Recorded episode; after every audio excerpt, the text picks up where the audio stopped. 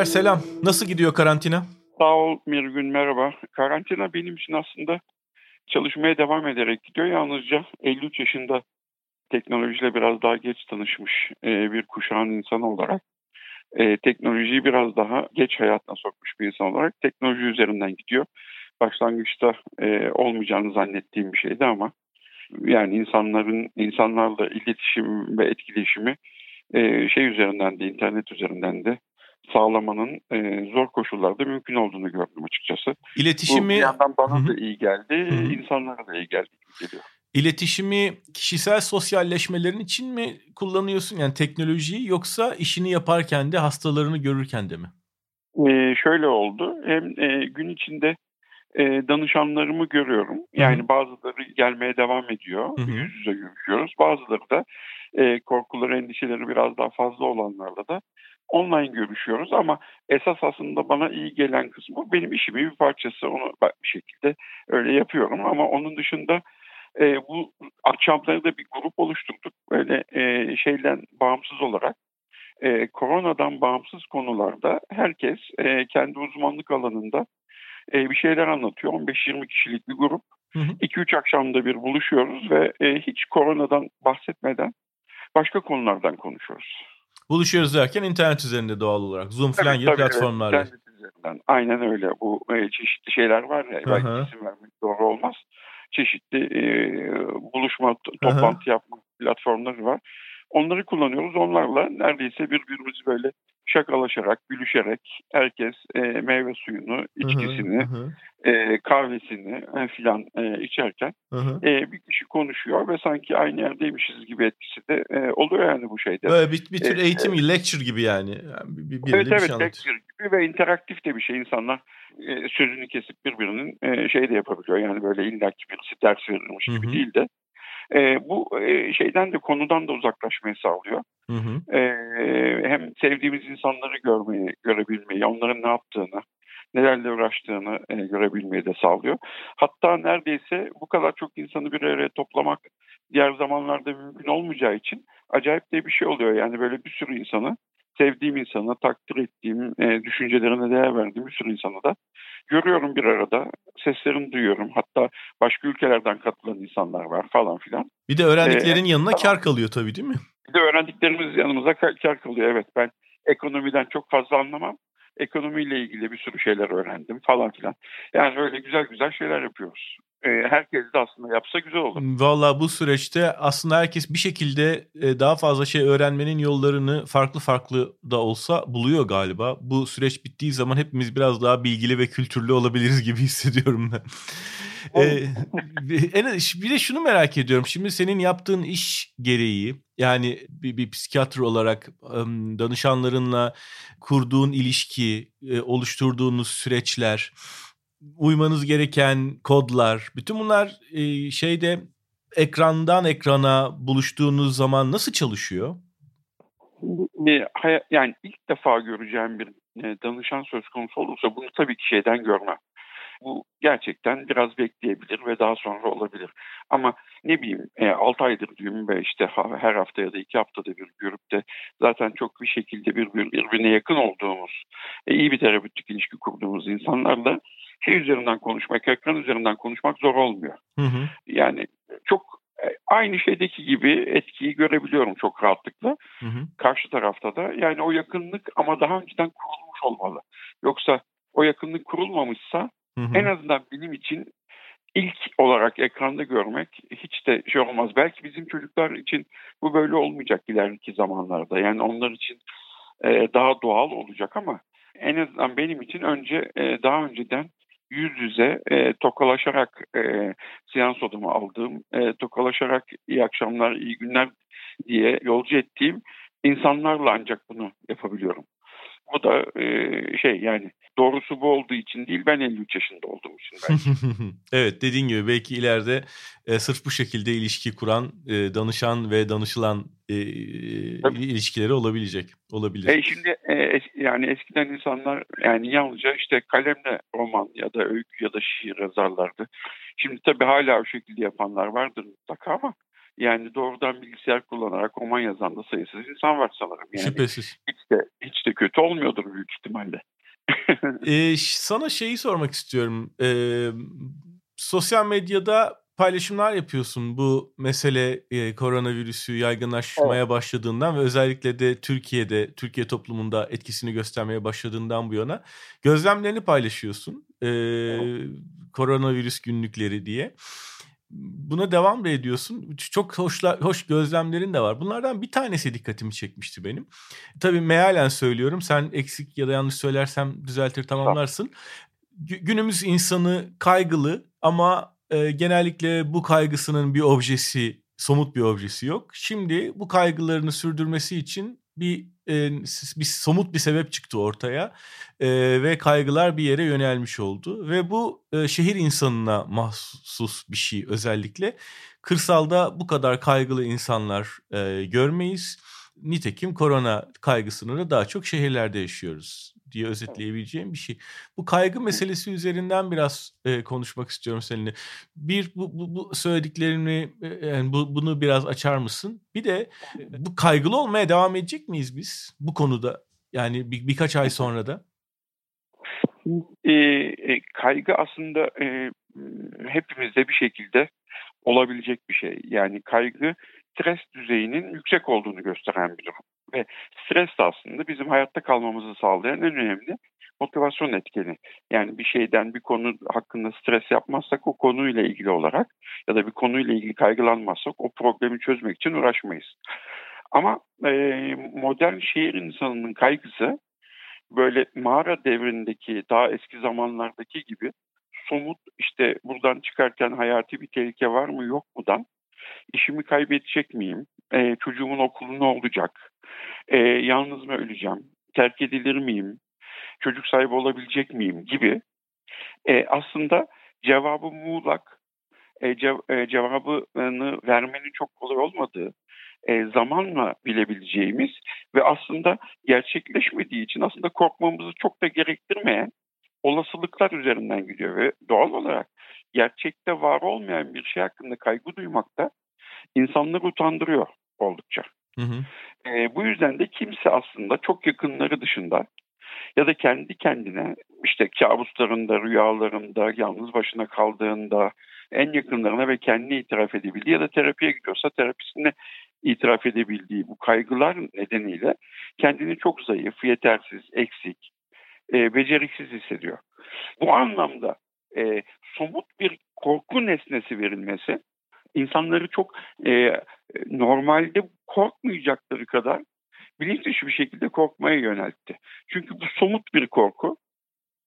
Yani işte ölebilirsiniz korona virüsünden enfekte olup ölebilme ihtimaliniz var. Hı hı. Ve bu çok somut bir şey. Ve insanlar buna sarıldı ve diğer şeylerden evet diğer korkular, kaygılar devam ediyor olmasına rağmen hı hı. aslında işini kaybetme, e, parasız kalma meselesinden daha çok koronadan korkuyor. Halbuki e, Dünya Sağlık Örgütü verilerine baktığımızda çok açık olarak görüyoruz ki e, şu andaki yani bu, bunu böyle söylediğim için sanki tehlikeyi küçük şey yapıyormuşum, umursamıyormuşum, önemini azaltıyormuşum gibi gözükmesin lütfen.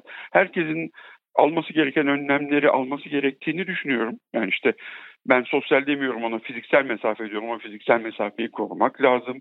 Temel hijyen kurallarına dikkat etmek lazım vesaire vesaire. Ama yılda 650 bin kişi influenza virüsünden yani basit gripten bu dünyada ölüyor.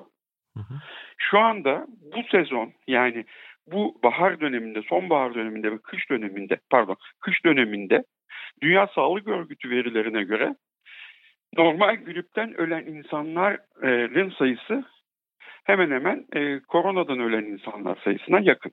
Hı hı. Şimdi böyle olduğunda e, e, yani biz e, devamlı pandemi ve sokağa çıkma yasağı ilan etmiyoruz grip olduğunu. Bütün dünya grip oluyor. Aslında her sene bir grip pandemisi var. Ve bundan dolayı da toplam 650 bin kişi ölüyor dünyada. Hı hı.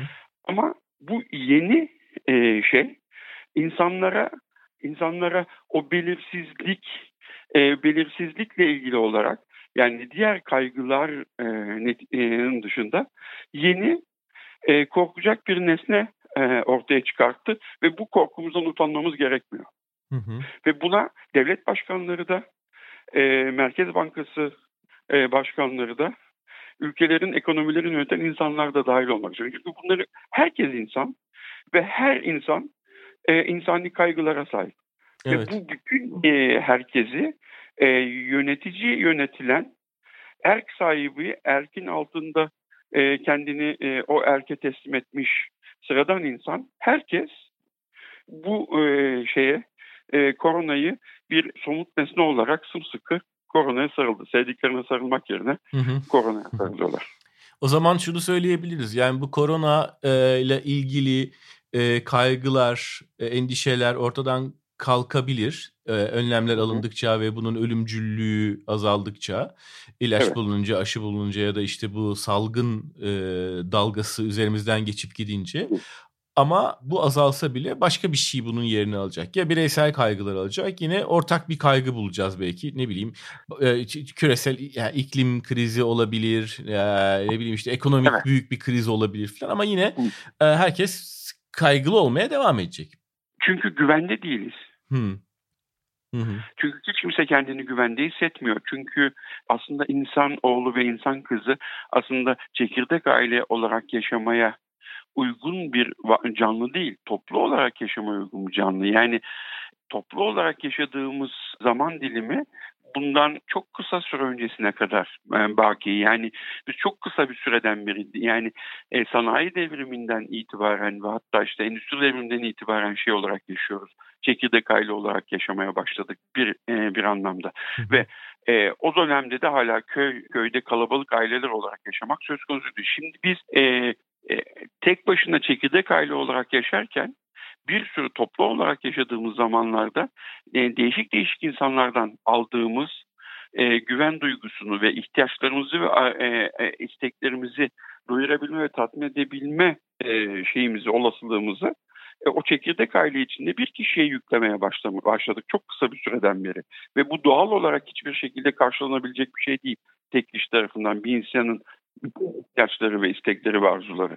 Böyle olunca kendimizi çok e, güvende hiçbir yani ihtiyaçlarımızın çok önemli bir kesimini karşılanmadığı bir yaşam sürdürüyoruz.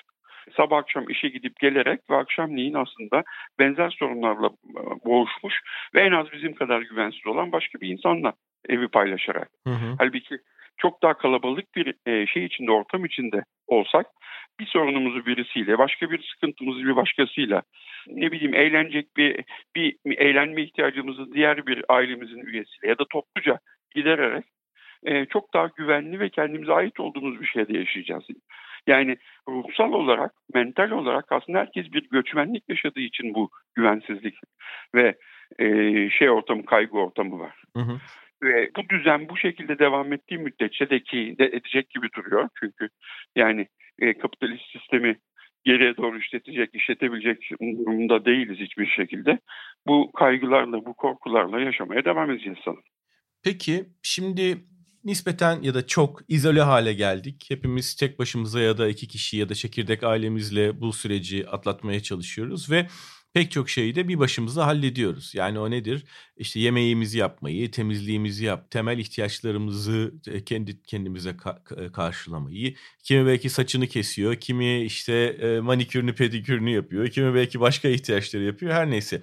Sence bu dalgayı atlattıktan sonra herkes kendine daha yeterli hale gelecek, eksik olduğu alanları tamamlayacak belki. Bu bize nasıl bir etki yaratacak? Yani kendimize daha barışık hale geleceğiz ve biraz daha içe eve dönük mü yaşayacağız yoksa e, bu dalgayı atlattıktan sonra herkes kendini sokaklara ve başkalarına mı arkadaşlarına dostlarına mı atacak? Bunun kalıcı etkisi olur mu? Olursa ne yönde olur? E, şimdi Albert Camus'un Veba romanı şu anda Avrupa'da çok popülermiş ve baskılar tükenmiş benim duyduğuma göre. Ben de onu tekrar okudum e, bu şey sırasında. Hı hı. Bu salgın sırasında pandemi sırasında ve veba romanının sonunda bütün e, restoranların ve barların veba geçtikten sonra e, şehrin izolasyon izole edilen şehrin kapıları kapatılan şehrin tekrar kapıları açıldığında en yakınları ölen insanlar da dahil olmak üzere herkes e, kendini eğlenceye ve alkole vuruyor bir süre için. Ama sonrasının nasıl olduğunu, nasıl devam ettiğini Albert Camus anlatmıyor.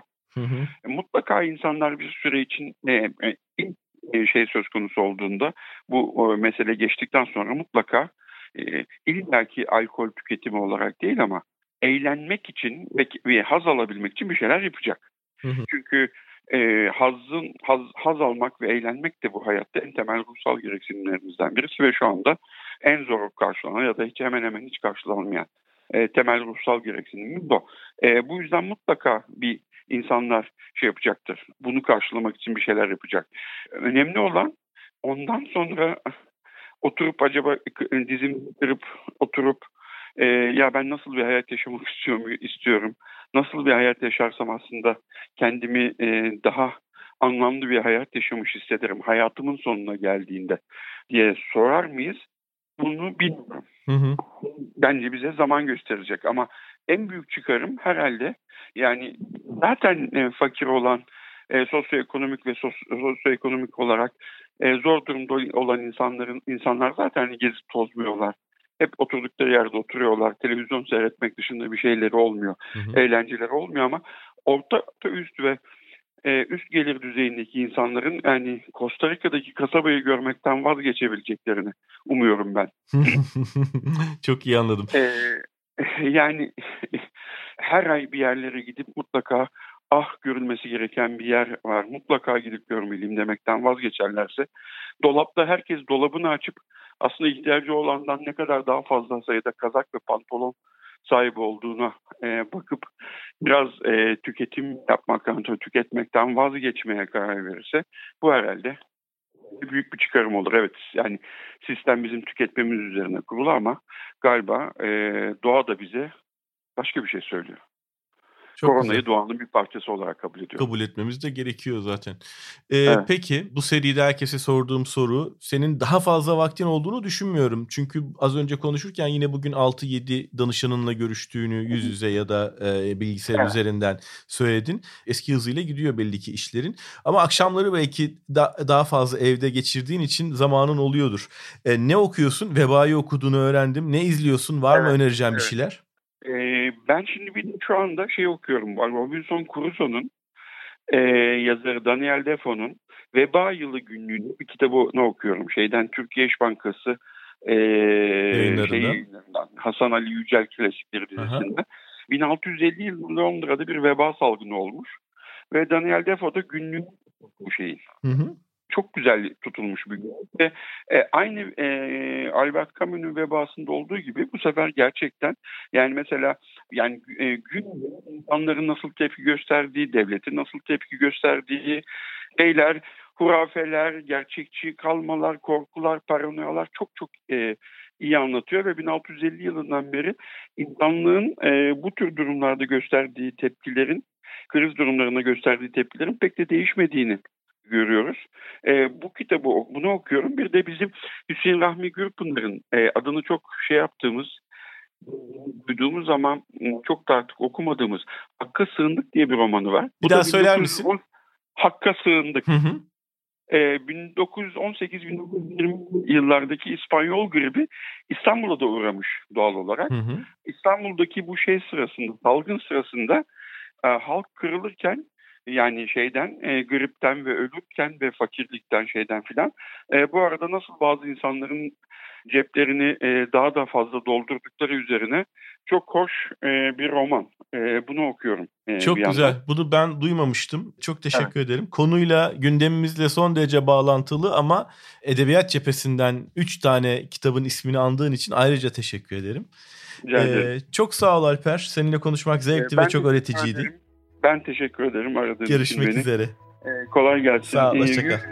Kahve içmek üzere. Evet, evet, evet. En kısa zamanda inşallah. Görüşmek üzere.